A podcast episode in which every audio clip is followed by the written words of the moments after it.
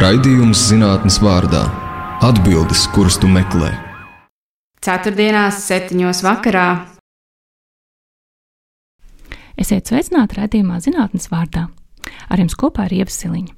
Klimata pārmaiņām arvien vairāk izmainot pasauli, pieredzam arvien skarbākus un mainīgākus laika apstākļus. Tas neviļus mums rada jautājumu, kā izaudzēt pārtiku neatkarīgi no laika apstākļiem. Pie tam cilvēku uz zemes kļūst arvien vairāk, bet um, agrokultūrai piemērotās zemes arvien mazāk. Jau tagad trešdaļa no sauszemes ir degradēta un nav piemērota pārtikas audzēšanai, un mēs ik gadu zaudējam 24 miljardus tonu auglīgas augsnes. Vēl vairāk, kā būtu, ja būtu, un mums būtu nepieciešamība pašiem izaudzēt savu pārtiku, ja ne gluži kā meta demona tēlotiem varonim filmā Marsietis, tad vismaz savā dzīvoklī Rīgas daudz stāvu namā Vai tas maz ir iespējams? Lai to noskaidrotu, šodien studijā esam aicinājuši biotehnoloģiju speciālisti Agnesi Stundu Zujevu. Inženierzinātņu doktora grādu iegūsi Rīgas Tehniskajā universitātē. Agnese šobrīd gan pasniedz ķīmijas inženierzinātnes studentiem, gan strādā pie pēcdoktorantūras pētījumu. Agneses pētījumi tik pielietojami, ka tos rezultātus iespējams aptaustīt un pat pagaršot. Agnese Stundu Zujeva ir ne tikai zinātniece, bet arī uzņēmēja uzņēmuma Spirulīna Nord līdzdibinātāja un biznesa attīstības vadītāja. Tātad redzējuma zinātnes vārdā viesiņa šodien ir ķīmijas tehnoloģija Agnēs Stunda Zujeva. Labdien! Labdien! Agnēs, stāsti, kā tu nonāci biotehnoloģiju jomā? Nu, jā, tas tāds diezgan garš, varētu teikt, posms bija. Jo sāku es ar to, ka gribēju glābt cilvēkus un taisīt implantus. Un, tāpēc es jau pirmajā kursā aizgāju uz biomateriālu tehnoloģiju katedru ar domu, ka es izgudrošu jaunus implantus. Īsnībā es diezgan ilgi arī tajā lauciņā strādāju, bet tad, kad es biju beigusi rakstīt disertāciju, es sapratu, ok, esmu izgudrojis lielisku materiālu, viss ir amazing, bet es atduros pie tā tā, ka, kad es redzēšu savu laimīgo lietotāju, klientu, šo atgriezenisko saiti, jo viens ir, ka tu iedod kā ķirurgam, bet jā, man ļoti gribējās sajust, ka tas tiešām tiek lietots un drīz. darba rezultāts. Patāstīt. Jā, tieši tā, savus darba augļus sajust un redzēt, un ar biomateriāliem ir tā, ka, ok, pat ja esmu izgudrojis tādu, varētu teikt, pirmajā stadijā daudzsološu materiālu, viņam ir jāiziet tik daudz stadijas, tie ir kaut kādi desmit gadi vismaz, un ja pēdējā stadijā izrādās, ka nu, viņš ir pišķiņi par kaut kas nav ok. Tev ir, nu, nevarētu teikt, ka jāsāk no nulles, bet nu, tomēr tas, tas process ir tik bezgalīgs, es sapratu, ka es tur esmu pavadījis jau 15 gadus, un es tā arī neesmu redzējis nevienu to laimīgo smaidušu. Ok, nevarētu teikt nevienu, jo ik pa laikam ķirurgi nāk pie mums un parāda cik lieliski viņiem sanāk un ka mūsu materiāli ir labāki nekā tie, kas ir pasaulē šķietami krūtajos institūtos izgudroti. Bet tas nav tas pats. Un tad vēl bija tāda iespēja, kad man iedeva lasīt tādu vienu priekšmetu, kur es sapratu, ka man tiešām aizvien vairāk velk uz biotehnoloģiju virzienu, jo biotehnoloģijas ir tādas nu, kā lai saka, maģika, vai ne? Cilvēkiem liekas, ka ķīmija ir maģija, bet tagad, kad tu esi 10, 15 gadus ar to ķīmiju un tehnoloģijām darbojies, zini jau, ko sagaidīt. Jā, tad tev tā maģija jau tur vairs nav. Tu zini, ka tas ir tehnisks darbs. Un tad bija tā, ka nē, bet zāle otrā žoga pusē ir zaļāka, un tie, kas taisa biotehnoloģijas, tur noteikti ir labāk. Un, jā, un tad es, man vajadzēja rakstīt jaunu projektu. Es paprasīju kolēģei, kas, ko es biotehnoloģijās varētu darīt. Viņa teica, ka mikroaļģis ir kā, jaunākais trends. Un modē, un kad noteikti tur var kaut ko atrast. Un, kad es izlasīju par spirulīnu, tad tā bija, nu, varētu teikt, mīla no pirmā acu skata. Es sapratu, ej, spirulīna reāli jau izglābs cilvēkus jau rītā, vajag tikai daudz tūlīt un uz katras stūra, lai cilvēki var glābt paši sevi. Un, jā, un tad, tad man bija tas āķis lūpā, un es sapratu, wow, šitais ir labs, ātri Jo bija tā, ka jau ir zināms, jau ir klīniskie pētījumi, ka spirulīna ir lieliska, bet viņas nepietiek. Un otrs ir, ka jā, viņa šobrīd ir pieejama tikai no Ķīnas, un tad ir jautājums, vai mēs gribam būt atkarīgi no Ķīnas, vai mēs to varam dabūt gatavu šeit. Kā vispār zinātnieki nonāk biotehnoloģijās? Nu, lielākā daļa, cik esmu sapratusi, tā arī ir, kad vai nu ir biologi, un tad viņiem ir milzīga izvēle, kurā virzienā iet, ja kukaiņi, augi vai ja šie mikroorganismi. Jo pēc būtības, kas ir biotehnoloģija? Tas ir jebkas, kur tiek lietišķi, jeb praktiski izmantot mikroorganismi, un mikroorganismi tiek izmantot tik daudzos veidos. Nu, līdz ar to arī veids, kā cilvēki nokļūst, piemēram, mans mērķis ir ne tik daudz pašus mikroorganismus, mikroorganismus, nu, teiksim, selekcionēt vai kaut kā tā, ko dara biologi, bet radīt viņiem šīs ideālās mājas. Uh, tad ir citi cilvēki, kas atkal, uh, piemēram, ar šīm vakcīnām darbojās, kas ir šī medicīnas, biotehnoloģija. Tad ar uh, mikrobiem var glābt arī vidi. Piemēram, jums izlīst lielais naftas plankums, tā ir zaļā biotehnoloģija. Uh, jūs varat, uh, ja jūs zinat, kāda ir pareizie mikroorganismi, kādā temperatūrā, kas viņiem ir vajadzīgs, tad jūs varat šo naftas plankumu vai nu turpat uz vietas ar šiem mikroorganismiem kā, degradēt, lai viņš tur vairs nebūtu, vai arī, teiksim, savākt kaut kādā tvertnē, nu, ja, teiksim, ārā ir mīnus 20 grādi, mikroorganismi to naftu neēdīs, viņiem vajag siltumiņu, un tad ir variants aizvest uz citu siltāku vietu, un ir ļoti, ļoti daudz šie virzieni, kā mikroorganismi var uzlabot augsni, uzlabot cilvēku veselību un tam līdzīgi, un līdz ar to, teiksim, lauksaimnieki nonāk varbūt no šī augsnes glābšanas viedokļa, mediķi tur nonāk no šī cilvēku aspekta, Un, jā, tā ir ļoti, ļoti plaša nozara īstenībā. Tā faktiski sanāk, ka biotehnoloģijas varētu risināt cilvēks aktuālās problēmas šobrīd. Viennozīmīgi. Nu, tas ir gandrīz tā kā IT, kur gan uh, mums šobrīd nav kaut kādas tādas tehnoloģijas. Tāpat mēs varētu teikt, ka mikrobi ir visur. Un jautājums, vai mēs spējam viņus ieraudzīt, uh, kontrolēt, varbūt nodarbināt sev par labu. Varbūt mums nevajag uh, simts lēto darba spēku kā cilvēkus, bet mēs varam paņemt uh, miljonus mikrobus, kas to pašu izdarīs un vēl precīzāk. Jo kāpēc man arī patīk mikrobioloģija vai biotehnoloģija, ķīmijas jautājuma risināšanai, uh, ka šis mikrobs mikrobs, viņš strādā ļoti precīzi. Ja tu izvēlies pareizo, viņš to savu vielu, ko īstenībā viņam pašam vajag, ja tu viņam rādi labus apstākļus, viņš uzsintēzēs bez uh, liela vidas piesārņojuma. Ķīmijā ir tā, ka ok, uh, tu it kā tiecies uz to tīro vielu, bet tev ir vajadzīgi šķīdinātāji, visādas attīrīšanas stadijas un tam līdzīgi. Un uh, ļoti bieži, uh, teiksim, vielas, uh, kā piemēram C vitamīnu, viņu mikrobs uzsintēzē daudz, daudz efektīvāk ar mazāk blakus produktiem un pavisam noteikti ar mazāk mazāk kaitīgiem blakus produktiem, nekā ja mēs tur sintēzējam, mums vajag visādi šķīdinātājus. No otras puses, ja mēs šo mikrobu nenodarbinām savā labā, vai viņš var strādāt pret mums?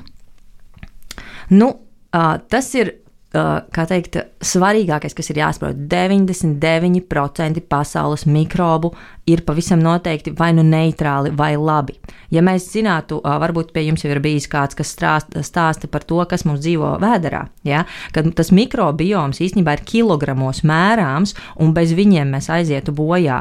Un, ok, labi, tagad ir uzrādījies viens covid vīrus, kas pat nav mikrobs, viņš ir vēl mazāka vienība, bet jā, lielākā daļa, nu mēs jau esam nākuši šai pasaulē pasaulē dzīvot šajā ekosistēmā.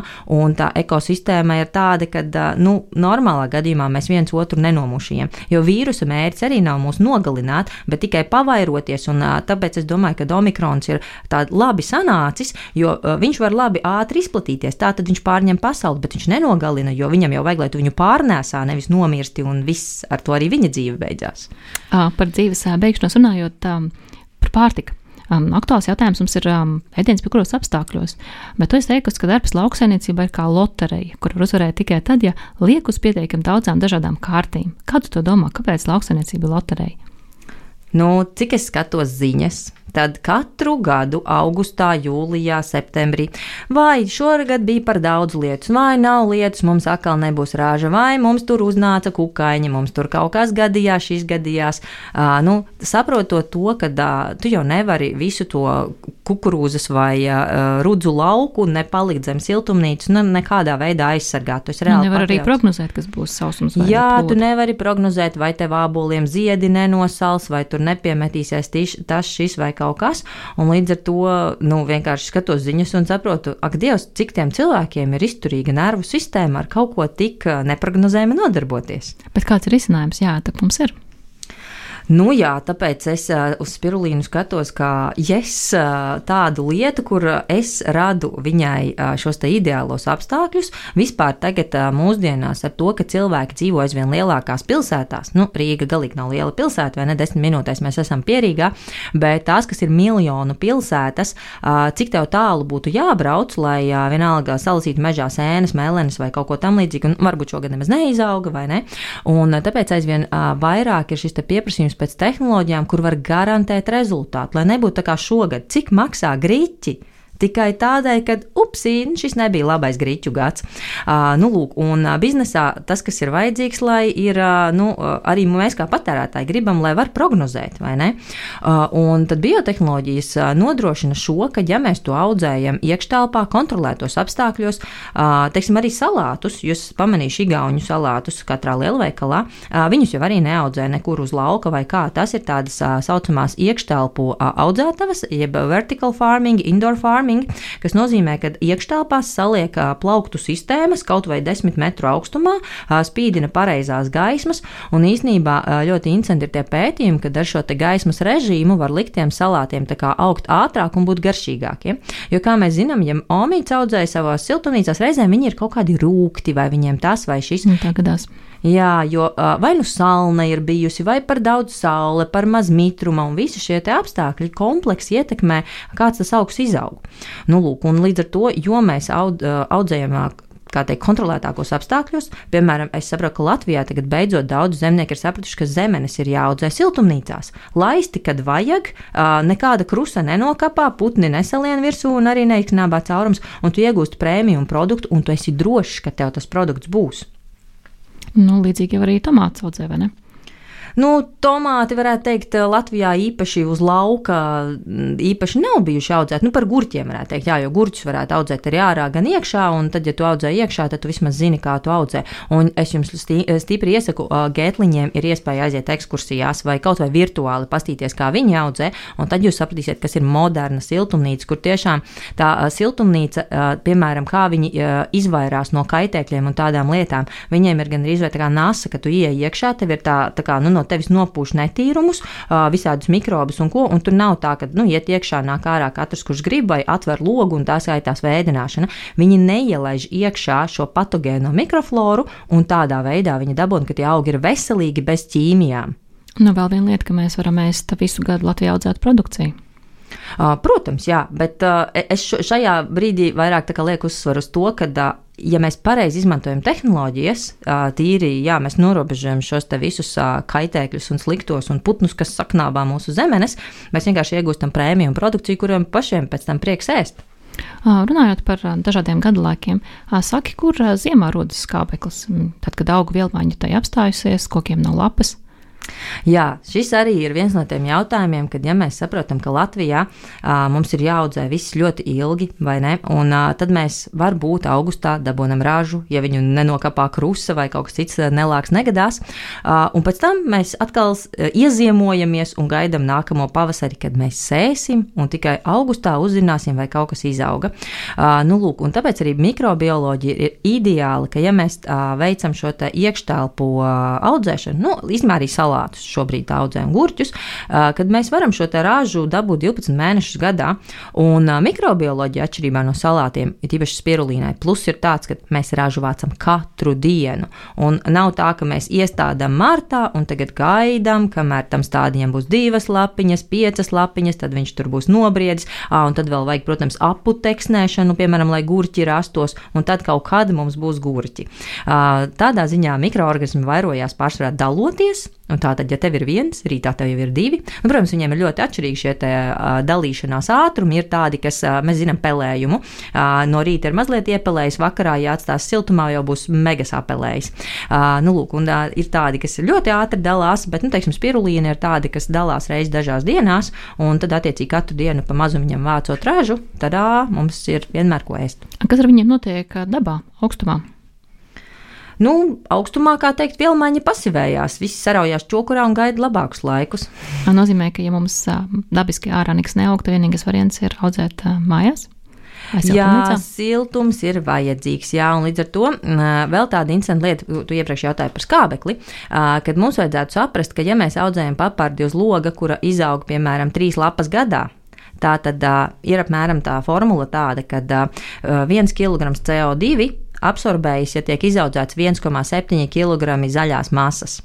Nu, lūk, un tā tad mēs varam iztēloties, ja ir izaugušas trīs lapas, kuras svēr apmēram, nu, varbūt cerēsim, vismaz 3 gramus, ja, tā tad tur ir mazāk nekā 3 grami CO2 absorbēts. Līdz ar to cilvēki, kuri piekrāmē pilnu māju ar augiem, kuri, nu, īsnībā stāv uz vietas, nevis strauji aug, tad cerības uz skābekli ir mazas. Un tāpēc mikroorganismi ir tie, kuri, teiksim, noliekot kubikmetru audzēšanas tvērtnes pirulīnas, tas ir gan arī izvēle kā maziņš mežs tavā istabā nozīmē, ka mežs izskatās ne tā, kā mēs esam paredzējuši uz palodzes.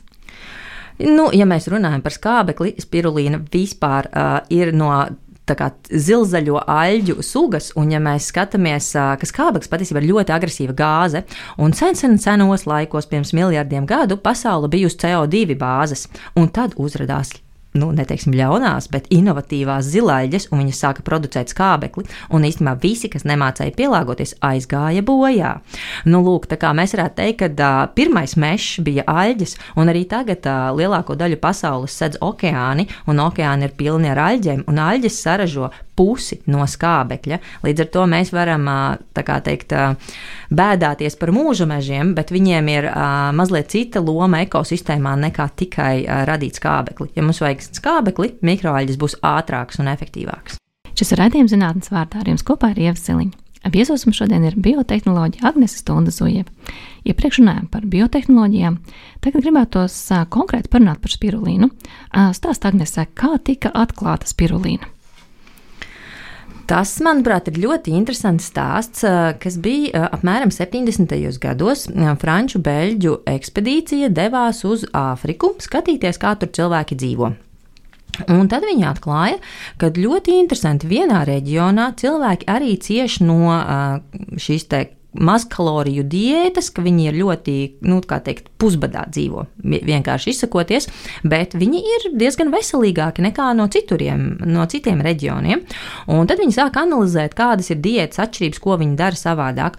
Un vienīgais, ko viņi atrada atšķirību, bija spirulīna. Un tad tas viņus ļoti ieinteresē, kā tikai viens uztur, uztura komponents var tik ļoti izmainīt cilvēku veselību. Un viņi paņēma šos paraugus uz Franciju, detalizēti izpētīja un saprata, ka wow, tur ir tik kompakti.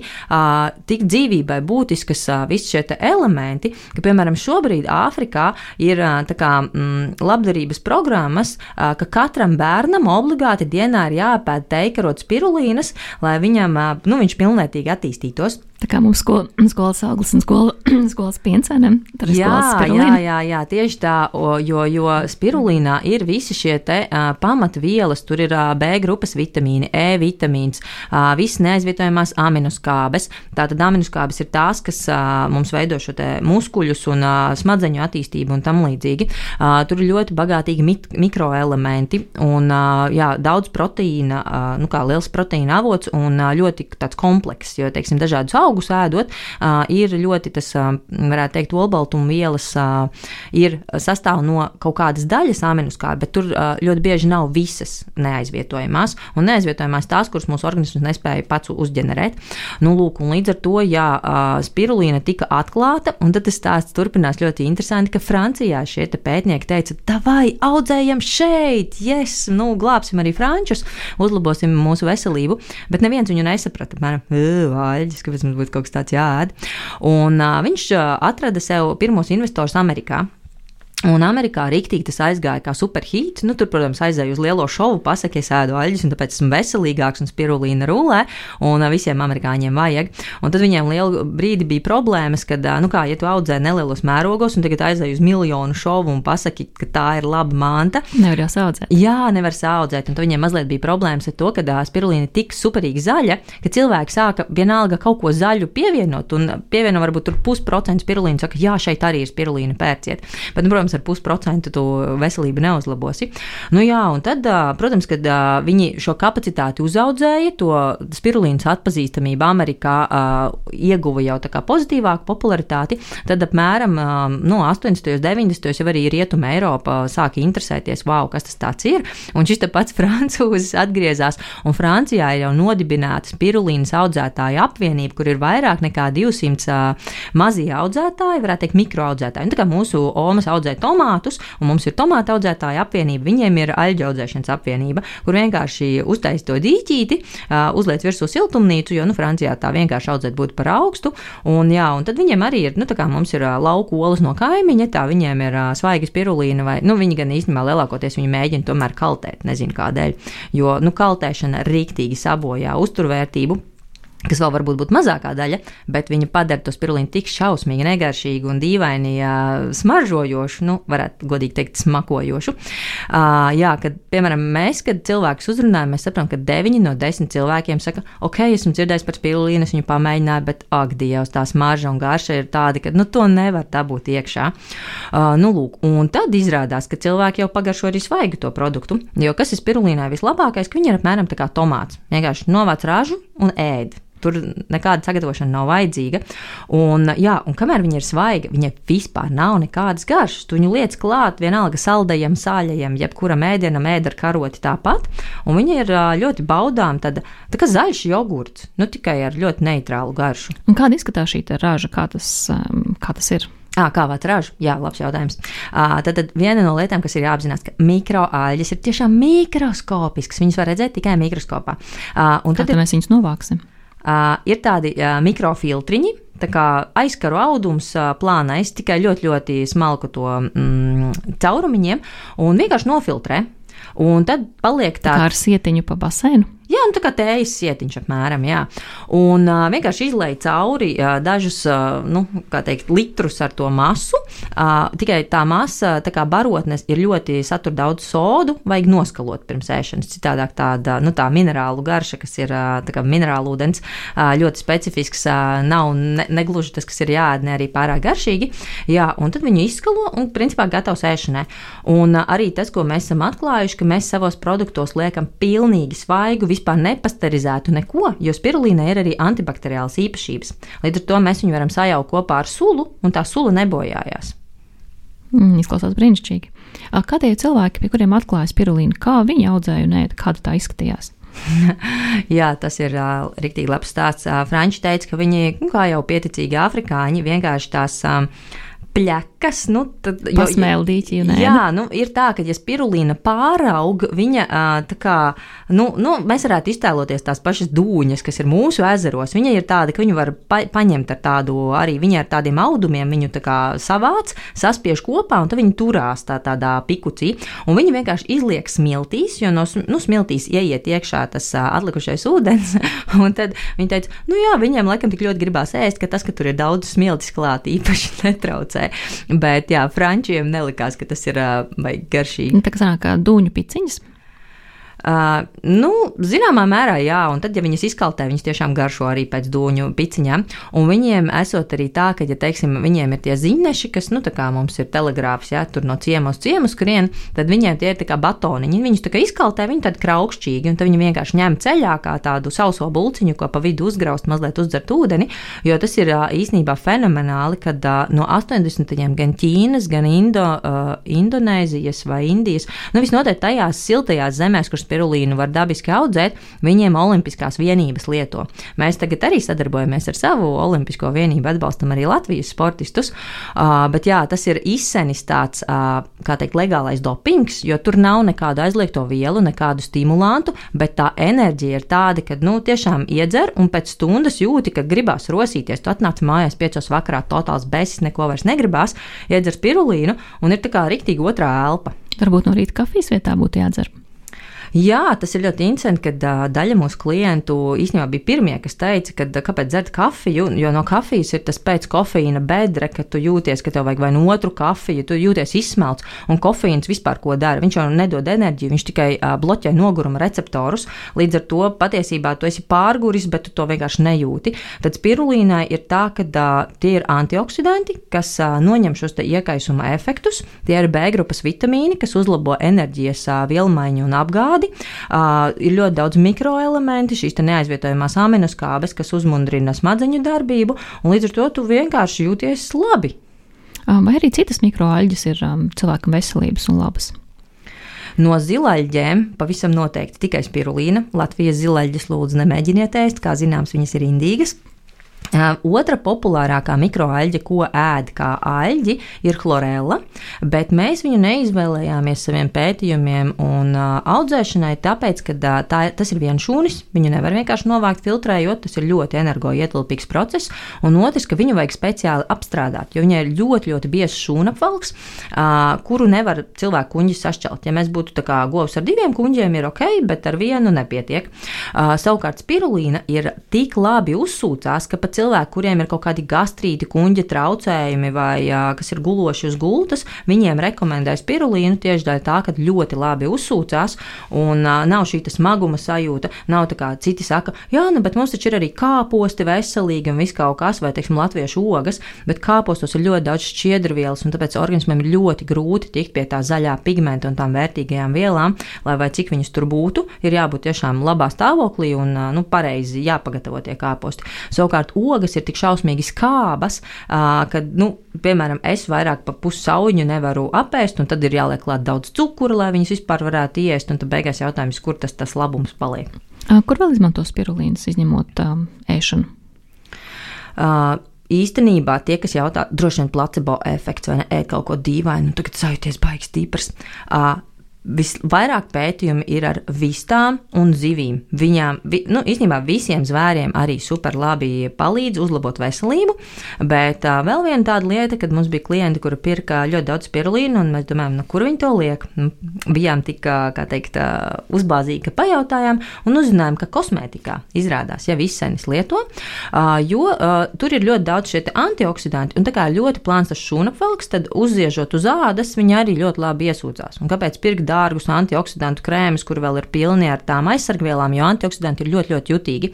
Tāpēc pulverī spirulīnas tie antioksidanti praktiski visi jau ir degradēti, ka pie augstām temperatūrām pie šīs apstrādes, un plus, ja tu nopērci to paciņu, varbūt viņi tur sākumā ir. Jo es arī pirms mēs sākām ar šo nodarboties, nopirku paciņu, domāju, nu pagaršošu to spirulīnas pulveri. Pirmā dienā atveru, O, viņš īstenībā nemaz neko nesmir, baigi ok, tas pulveris. Otrā dienā viņš jau ir savilcis to gaisa mitrumu un sācis bojāties, un viņš jau smirdēja tā kā visur bija rakstīts, ka jā, viņu varbūt var ēst kopā ar kaut kādām zivīm un kaut ko citu, kas ir nu, sāļš un pietiekami dīvaini smaržojoši. Mhm. Nozīmē, ka būs smarža un garš, ko ir jārēķinās um, ēdot um, spirulīnu. Vai tā noteikti ir jāsmaržo un jāgaršo, kā tu saki, slikti? Uh, nē, ja ēd šo svaigo produktu, tad uh, viņiem praktiski garšas nav. Kā jau teicu, var likt klāt pie desertiem, pie jebkā ļoti labi. Vienīgais, ar ko jārēķinās, ir mazas zaļas ūsiņas. Jo tā kā dzerot kefīru, uh, tad tāpat arī dzerot spirulīnu, uh, viņa ir uh, nu, ļoti, ļoti intensīvs tas tonis un līdz ar to, uh, jā, ir jāpārbauda, vai nepaliek mazas zaļas ūsiņas. Ja kāds būs klausītājs, grib pamēģināt no rīta teikt, spirulīnu kā enerģijas dzērienu, kur viņam būtu jāgriežās, lai iegādātos spirulīnu? Mūsu spirulīnu var nopirkt spirulīna Nord e-veikalā, bet ir arī dažādi mazie veikaliņi, kuros mēs jau esam. Un, jā, un pulverus un kapsulas un visas pārējās spirulīnas, kas ir kaltētie, jo tie viens no desmit cilvēkiem, kam garšo, viņi ir Āzijas preču cienītāji, Āzijas virtuves cienītāji. Un, jā, šie cilvēki var pirkt praktiski jebkurā aptiekā, biotēkā, visur arī spirulīnas pulveris pieejams, bet tie, kas pērk tabletes, obligāti ir jāskatās, kas ir sastāvā. Jo tas ir fascinējoši, ka pirmkārt ir jāpēd 8 līdz 10 tabletes dienā. Jautājums, ko padomās par jums kaimiņi, koju biedri vai bērni, ieraugot, ka jūs katru rītu sākat ar sauju tabletēm. Uh, bet tur arī ir tas, ka parasti pirmais sastāvā ir apjoma palielinātājs. Un tad ir jautājums, vai jūs esat nopirkuši spirulīnu vai kartupeļu cieti. Kā pagatavot spirulīnu? Um, Jā, pulveri ne, nevarēšu ieteikt pilnīgi neko, kā pagatavot, jo esmu dzirdējis tikai briesmīgas atsauksmes. Mūsu produktus vienkārši mums ir saldēts produkts, kuru atkausē ūdenī un dzer, jo viņš garšo pēc ūdens. Mums ir suliņas ar ābolu garšu, nu, tas ir pareizi sakot ar īstiem āboliem, ar īstu ābolu sulu, kas garšo pēc ābolu sulas, dzer kā ābolu sulu, tikai iepriekš sakrati, lai tā spirulīna tur labi uzmaisās. Un mums vēl ir sīrupiņi, jo tie ir glabājami istabas temperatūrā ļoti ērti lietošanā, kaut vai iemet somiņā, staigā apkārt, kad jūties saguris, iedzer un skrien tālāk. Un tīra, tīrā veidā kā sīrupu vai cērienu izveidot no sīrupa? Uh, nu ir tā, ka uh, saldumu mīļi noteikti var uh, dzert pa taisno. Ik pa laikam es arī dzeru pa taisno, jo tad tā garša ir tāda stiprāka. Mums ir dzērveņu un cidoniju garša, tad to cidoniju garšu var labāk just. Un uh, kas uh, vēlās, uh, var mierīgi, sat, nu, kā parastu sīrupu atšķēdīt. Kā tā pētījuma ietekmējuši tavu ikdienu? Pārtikas grozu varbūt. Nu, jā, tas ir tik tālu, ka man vienmēr mājās ir spirulīna. Līdz ar to, pat ja man apsāpās kakls, tad kāpēc man iet un pirkt kaut kādus klepus, sīrupus vai sintētiskās zāles, kad spirulīna noņem šos iekaisuma procesus. Tāpēc, jā, es vienmēr, lai kas man kaitētu, sapūsts kakls vai sāp muskuļi nākamā dienā pēc sportošanas, jā, mans pirmais aptieciņas palīgs ir spirulīna. Vakarā atnāku, ir sagurums, tad arī spirulīna. Jo spirulīnai labi ir tas, ka nevar pārdozēt. Vienalga, kas tev kaiš, vienalga, kā tev dzīvē iet vai neiet, iedzer spirulīnu un būs labāk. Kā tev ģimene vai arī tavi bērni ēd spirulīnu? Nu, man ir trīs bērni, no kuriem vecākā meita, aļģis nav stilīgi nēdīšu, bet jaunākie divi ir tādi, ka, u, kaut kas zaļš, garšīgs, protams, jā, jādzer iekšā. Un vīrs arī, tad, kad viņam ir jāraksta daudz atskaits un sagurums darbā, tad, nu, kā teikt, kad kafija vairs nepalīdz, tad spirulīna noteikti palīdzēs. Šis raidījums zinātnes vārdā ar jums kopā ir Ieva Siliņa. Viesos mums šodien ir inženierzinātņu doktora Agnese Stunda Zujeva. Iepriekš runājām par spirulīnas labajām īpašībām, tagad gribētos parunāt par to, kā tad pareizi audzēt šo superaugu. Pastāst lūdzu Agnese par pēcdoktorantūras pētījumu, ko tu šobrīd veic. Jā, mans pēcdoktorantūras projekts ir ar ļoti interesantu nosaukumu - Mākslīgā apgaismojuma projektēšana fikocianīna ražošanai burbuļu kolonas fotobioreaktorā. Ko tas nozīmē? Tas nozīmē to, ka mēs saprotam, ka šobrīd ir tumšais periods ārā, un arī aļģes tumsā neaug, viņām vajag gaismu. Tāpēc stāsts ir par to, kā optimizēt gaismu. Otrais, kas ir fikocianīns, tas ir tas supervērtīgais pigments, kas ir tikai un vienīgi spirulīnā kurš ir viss tas iespaidīgākais antioksidants, tas ir fikocianīns. Un mēs gribam radīt tā, lai šajā tehnoloģijā šis fikocianīns būtu pēc iespējas daudz. Jo, ja spirulīnu audzē tādos nepārāk optimālos apstākļos, tad tur vairāk ir beta karotēni un citas vielas, uh, kuras mēs varam iegūt arī jebkur citur, bet fikocianīns ir tieši šis superjaudīgais antioksidants. Un uh, kas ir burbuļu kolonas fotobioreaktors? Uh, tas ir tas, ko mēs esam radījuši, lai iekštelpās audzētu. Jo tāpēc mums arī uzņēmuma nosaukums ir Spirulīna Nord ar domu, ka mēs audzējam šeit ziemeļos. Un tā ir ziemeļiem pielāgota tehnoloģija, kur ir augsts, tumšs un Otrs ir, ka mēs arī saprotam, ka mums nav vietas. Nu, mēs negribam tā kā dienvidos uh, audzēt, kur ir. Um, milzīgi hektāriem lieli dīķi, kur ir tikai 20 līdz 30 cm dziļi. Jo spirulīna ir tik tumši zaļa, ka vienkārši dziļāku dīķi taisīt nav vērts. Saula jo... neiespīd. Jā, tieši tā, tur vienkārši apakšā ir tumšs. Uh, nu, lūk, un, uh, tāpēc tie dīķi ir ļoti sekli, bet nu, no otras puses mēs saprotam, ja tā ir milzīga atklāta virsma, smilšu vētras, putni, kukaiņi, jo īstenībā arī kukaiņi putni novērtē, ka spirulīna ir lielisks uzturāvots, un viņi visi grib iet tur pa, pacienāties.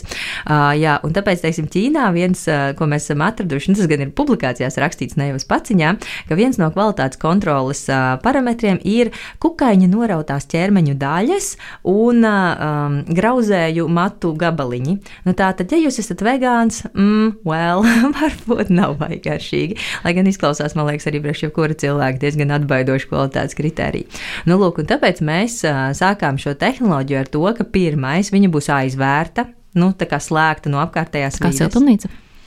Uh, nu, pat ne tā kā siltumnīca, tā kā akvārijas. Es teiktu, to, šo tehnoloģiju varētu saukt par viedo akvāriju. Un uh, tā burbuļu kolona ir tāpēc, ka uh, mums cauri tiek pūsti burbuļi, jo spirulīna uh, ģenerē šo skābekli. Un viņa pati, tā kā teiksim, vīna audzēšanā arī vīnu nekad nevar uzraudzēt vairāk par šiem 7, 8%, jo baktērijas no spirta vienkārši nobeidzās. Un spirulīnai tas pats, ja viņa būs saģenerējusi pārāk daudz skābekli, kas ir ļoti agresīva gāze, viņa vienkārši iekapsulēsies un neaugs. Un tāpēc mums vajag visu laiku vēdināt ārā skābekli. Un, jā, un tad mēs varam uztaisīt arī daudz kompaktāku šo te. Piemēram, mums kubikmetrs ir tieši viens reiz viens reiz viens metrs. Un tā, teiksim tā, mēs varam atļauties, piemēram, mans sapnis ir par to, ka būtu debesskrāpis, kurā strādā cilvēki, un tad blakus debesskrāpis, kurā viņiem aug pārtika. Vai vēl labāk, tas ir viens debesskrāpis, jo uh, jūs izelpojat CO2, un spirulīna savukārt jums dod skābekli. Un jūs varat uztaisīt ofisu kaut vai pašā pilsētas centrā, kur logus atvērt nav iespējams, jo tur ir troksnis, dubļi, viss ir slikti un uh, skābekļa tur nav. Bet jums ir kā, savs privātais mežs, un tad jūs aiziet kā kafijas automātam, nospiežat podziņu, zzz, jums iztaks vaigas pierulīja. Kā no filmas, vai ne? Jā, zināmā mērā, bet nu, es domāju, tā, tā mēs tikai domājam, ka nākotne ir tur tālu, bet gan jau viņa drīz pienāks. Kā spirulīna audzēt citur pasaulē? Uh, nu jā, tā tad. Uh, Viņi uh, sākšu varbūt ar to klasiski, kā viņi aug Čadas ezerā, kad, kur tur vienkārši ir tā zilaļu tādi masa peld pa virsu, kuru ar tādiem drēbes groziem izfiltrē un iegūst. Nu, tā tehnoloģija, kā audzē Ķīnā, Indijā un citur uh, komerciāli, īstenībā ļoti maz atšķirās, izņemot to, ka uh, nu, tur zivis nepeld pa tiem dīķiem, ka tie ir speciāli uztaisīti tikai spirulīnai, bet ļoti līdzīgi, jā, tātad šie seklie dīķi, kuriem tādi Mm, tā kā katamarāniem tie mm, rotējošie elementi rotē, lai mazliet viņu pakuļķinātu, un jā, dienas beigās vienkārši novāc ražu.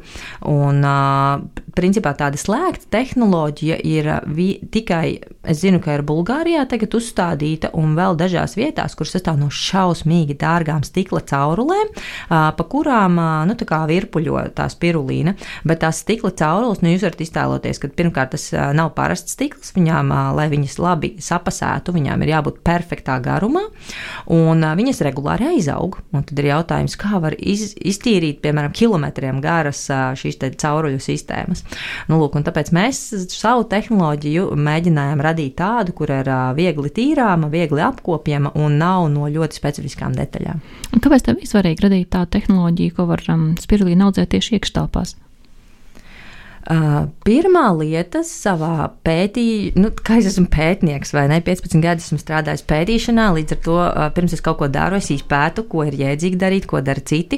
Un pirms es uh, mēģināju izmantot sauli, kuru visi reklamē, ļoti lēts enerģijas un gaismas avots, un saules mums ir tik daudz un paliek pāri, un saules enerģija noteikti ir jāizmanto.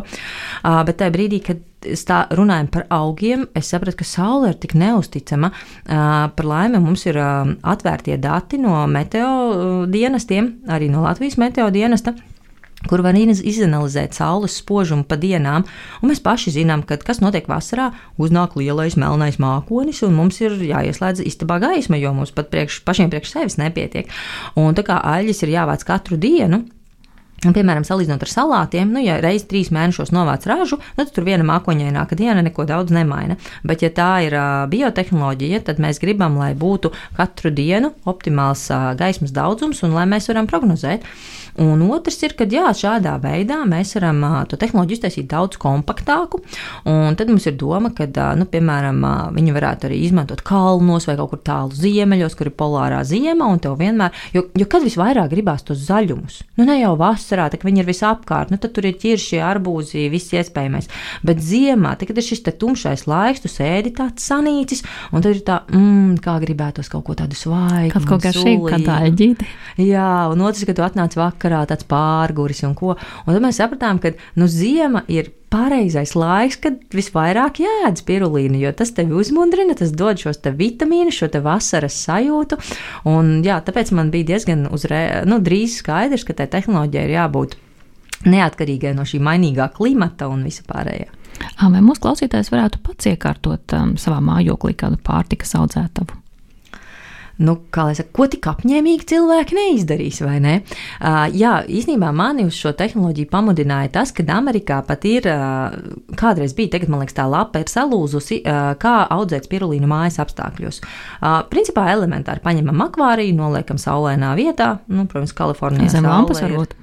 Uh, jā, nu, ja tev nedzīvo Kalifornijā, tad nekas cits neatliek kā zem lampas likt.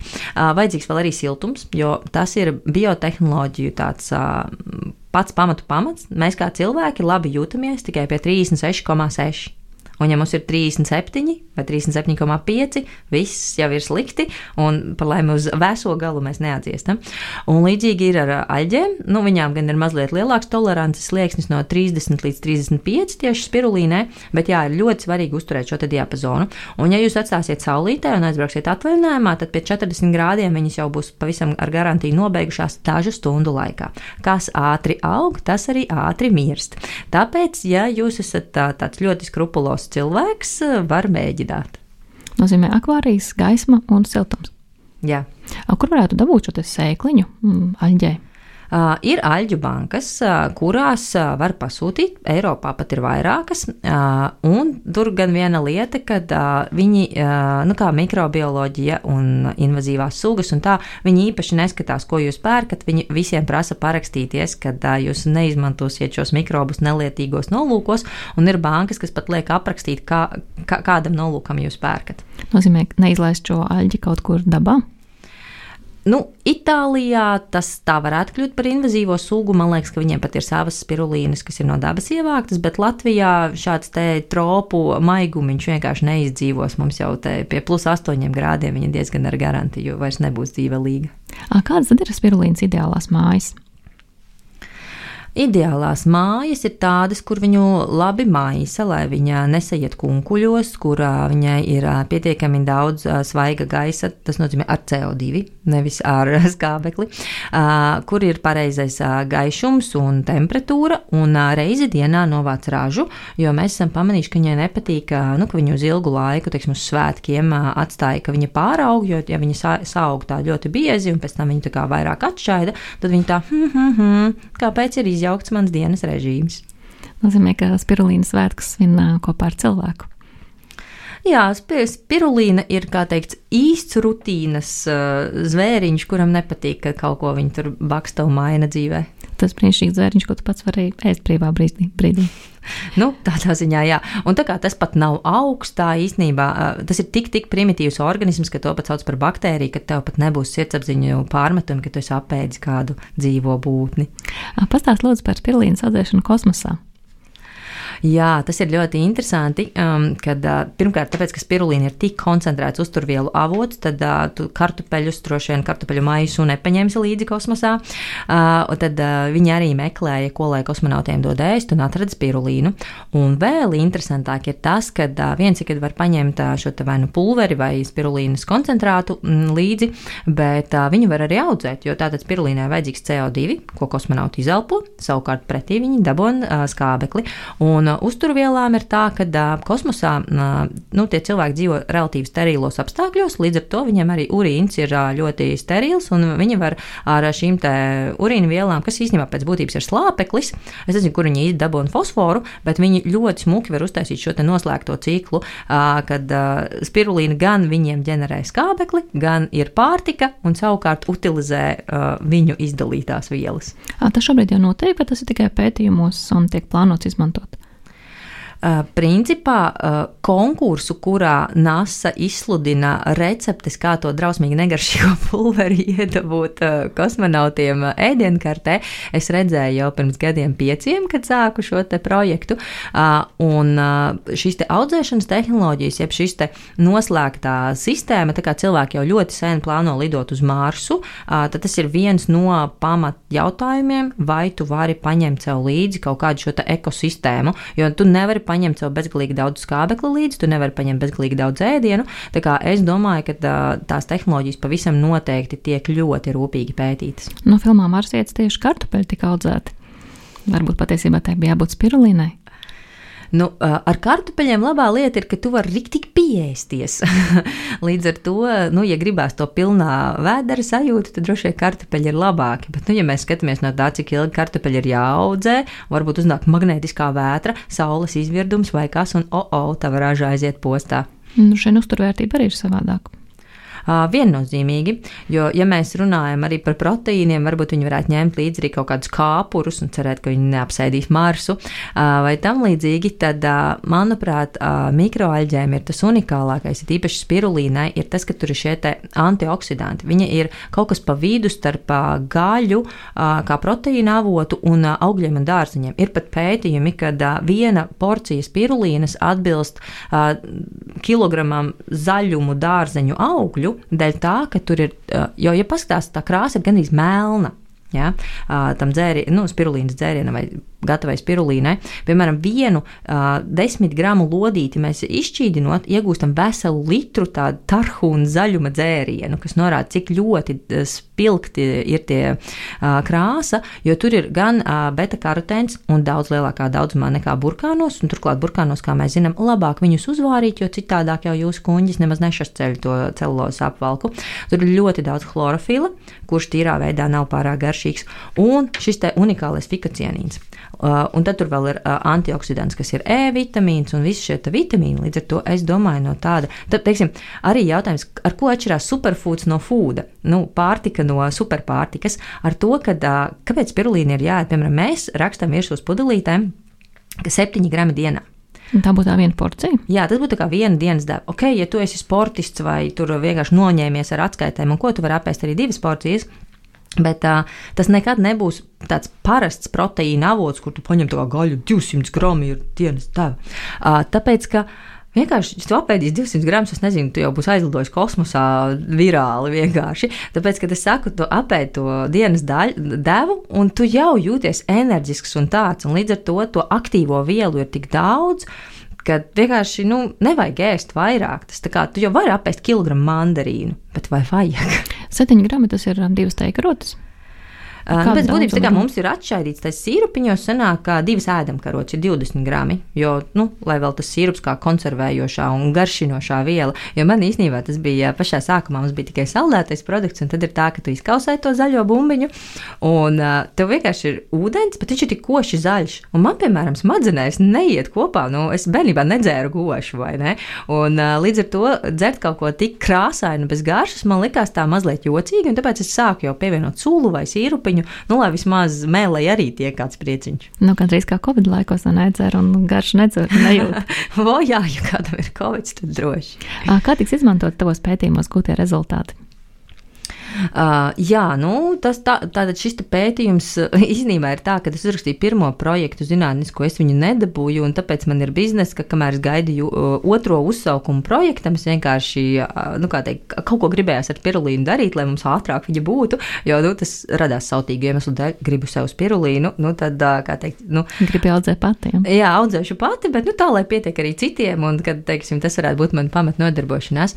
Uh, nu, jā, un tad mēs jau bijām diezgan tālu ar to tehnoloģiju tikuši, un tā, ka vajadzēja rakstīt to otro tehnoloģiju, tad es sapratu, ka tas mūsu lielākais uh, jautājums ir par to, kā gaismu neiedot par daudz, jo tā ir elektrība, tie ir resursi, bet pietiekami, lai tā spirulīna izaugtu. Un otrs ir, ka jā, mēs gribam, lai šis fikocienīns būtu maksimāli daudz, lai cilvēki nu, tiešām sajūtās, ka wow, jo, piemēram, arī superīga atsauksme cilvēks cīnās ar angīnu, nu tā kā ir gandrīz vesels, bet nu tā kā nav līdz galam vesels.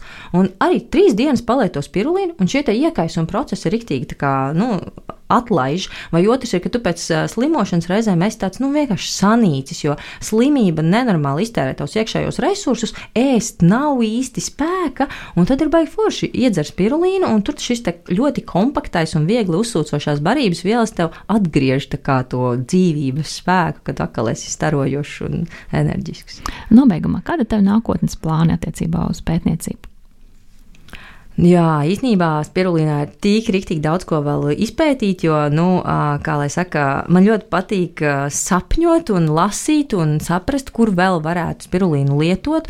Un tehnoloģijās, kā mēs saprotam, nu, tehnoloģijas vispār nekad nestāv uz vietas, un tā kā esmu ķīmijas tehnologs, tad man šis te tehnoloģiju daļa, kad, jā, ko mēs varam optimizēt, ko mēs varam uztaisīt labāk, efektīvāk, ērtāk, lai pašiem būtu novākt rāžu un tā.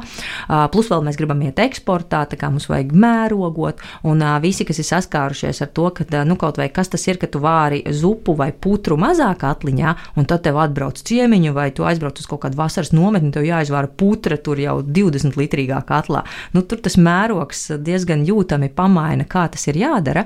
Nu, lūk, līdz ar to man kā inženierim baigi interesanti skatīties šo mērogošanas procesu. Un, uh, Jā, un tad nākamais ir, ko mēs gribam, kad visi klīniskie pētījumi šobrīd ir par pulveri. Nu, par svaigo spirulīnu mums ir reāli atsauksmes no mūsu klientiem, kas ir īstenībā nereāli forši, ka 50% un pat vairāk cilvēku atgriežas. Nu, viņi tā kā ir sapratuši, ka šī ir manta. Uh, nu, jā, un tad mēs gribam uh, atrast sev, uh, kā teikt, sadarbības partnerus, lai šos klīniskos pētījumus veiktu, lai saprastu, teiksim, uh, viens ir, kad diabēta tajā pirm, pirmajā stadijā ir, uh, kad uh, diabēts rodas no, nu, teiksim, no insulīna nepareizas izstrādes, tad spirulīna sakārto vielu vielu maiņu.